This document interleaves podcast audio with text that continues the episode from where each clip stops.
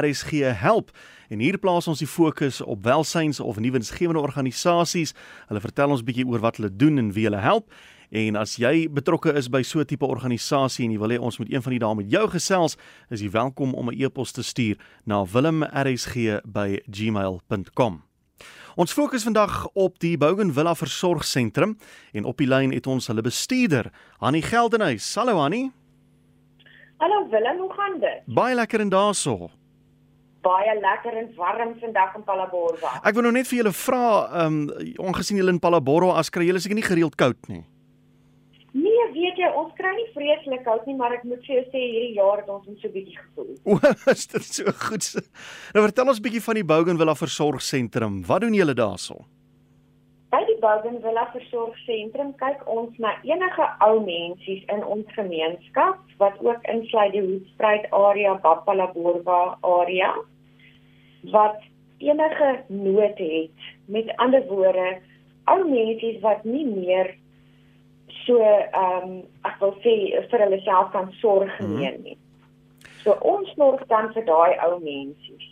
So wat is die verskil tussen julle en uh, kan ek maar sê 'n gewone huis vir bejaardes?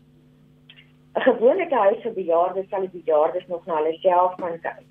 Ons het mense wat Alzheimer het en ons het mense wat nie meer kan loop nie en nie meer hulle self kan versorg nie. En ons het dan versorgers wat dan help om dit te doen. Mhm. Mm en hoe maar, lank is jy nou al betrokke daarso?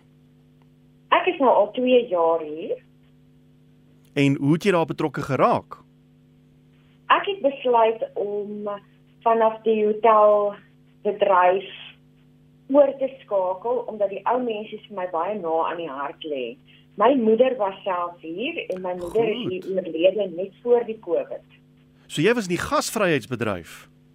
Ek was in die gasvryheid. En sou jy sê dit uh, help jou enigsins met die tipe werk wat jy nou doen?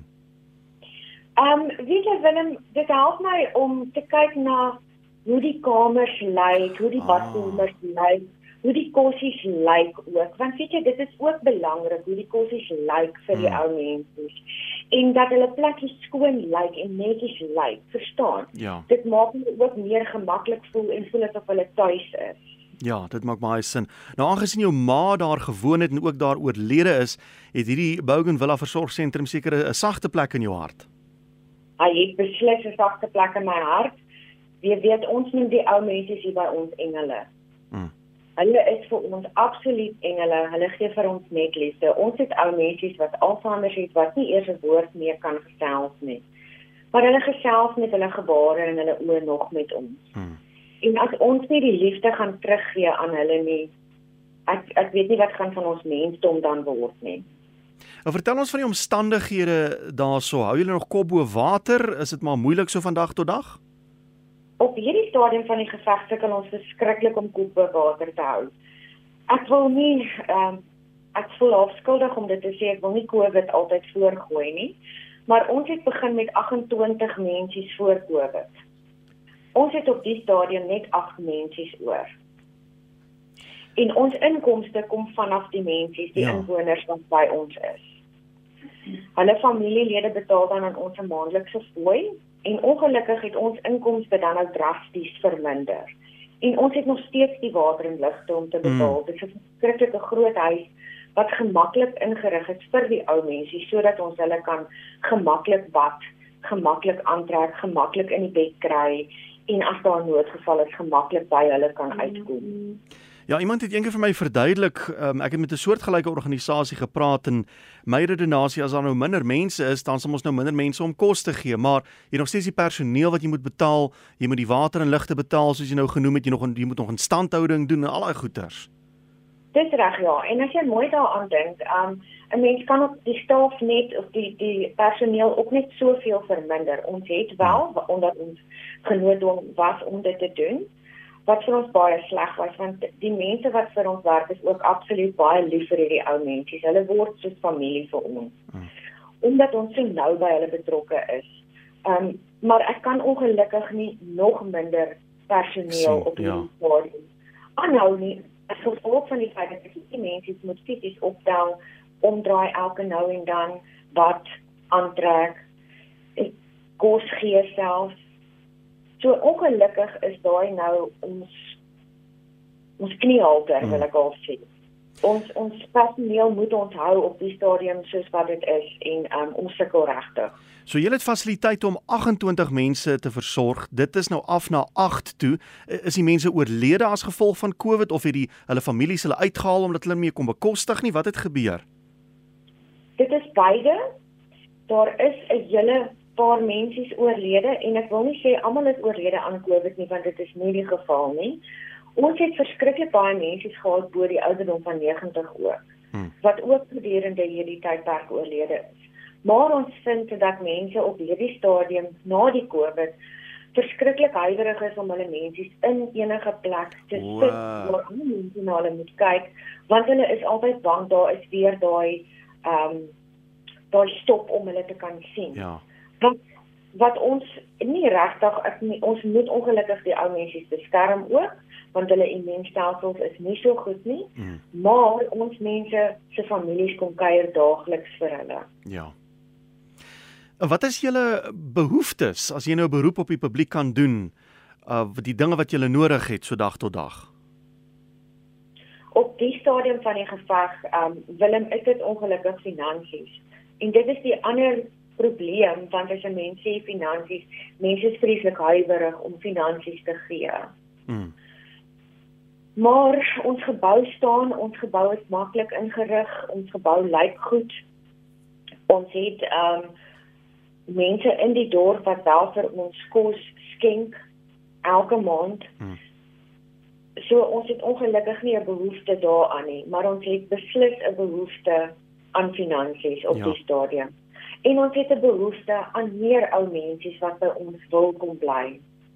Nou dis nou my volgende vraag, weet die mense in die omgewing van julle instansies se bestaan? Hoe is julle bemarking of was daar nie eintlik geld vir bemarking nie?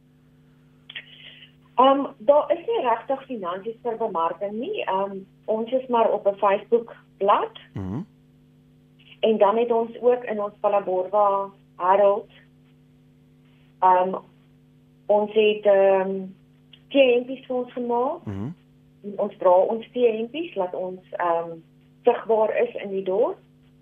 En dan natuurlik ehm um, by word of mouth wil ek ook sê ehm um, adverteer ons dan nou maar ook aan al die mense. Wel ek kan nou vir jou ding sê baie meer mense weet nou van julle, so uh, so so miljoene wat meer mense hoor nou van julle dienste.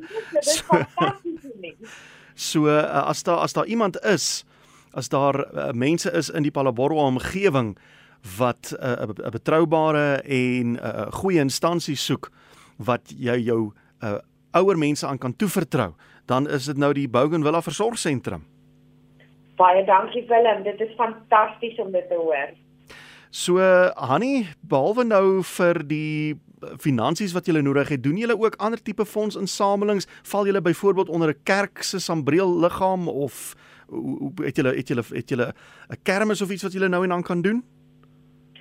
Weet jy Willem, ons is baie nou betrokke by ons gemeenskap. Alle Boerwasse gemeenskap was altyd goed vir ons. Al die kerke is altyd ehm um, dis bereidwillig om ons te help as hulle 'n uh, funksie aan het of 'n kermis aan het dan nooi hulle ons um, ons hou ons het wel stalletjies al gehad by hulle om skitblik by ons ehm um, kreerpark spar ehm um, en dan vra ons maar natuurlik vir ons ehm um, lokale mense wat ons weet wat altyd doneer en daar is daar is 'n klompie van hulle wat wel help wanneer hulle kan, ja. maar ek wil weer eens daai woord gebruik wat ek nie van hou nie. Um COVID het almal maar op die stadium bietjie gekniehalter ja. en dit is moeilik en mense het nie meer die fondse om so vrylik te gee soos wat hulle altyd gegee het in ons dorp nie. Hmm. Wat is julle kontakbesonderhede? Jy het vroeër gepraat van 'n Facebookblad. Ek het 'n Facebookblad, dit is Bougainville Vroucare Center. Mhm. Mm en hulle kan vir my skakel op 072 018 7394. Mhm. Mm en hulle kan vir my 'n e-pos stuur op hani@bougainvilla vrouke.co.za. Daar sê, het hom so. Wel, Annie, baie dankie vir die gesels en ek hoop jy kry 'n klomp navrae dat jy daai kamers lekker vol kan maak. Willem, vreeslik baie dankie. Ek hoop ons het weer 'n waglys soos wat ons gehad het. Ons hoop alles vir die beste. Goed gaan daarso. Baie dankie Willem selfde vir jou. En so gesels Hanni Geldnys, sy is die bestuurder van die Bougainville Versorgsentrum. Haar nommer is 0720187394. E-posadres is hanni@bougainvillavryelcare.co.za en uh, hulle Facebookblad gaan dan ook onder daai naam Bougainville Vryelcare gaan soek hom daar op Facebook.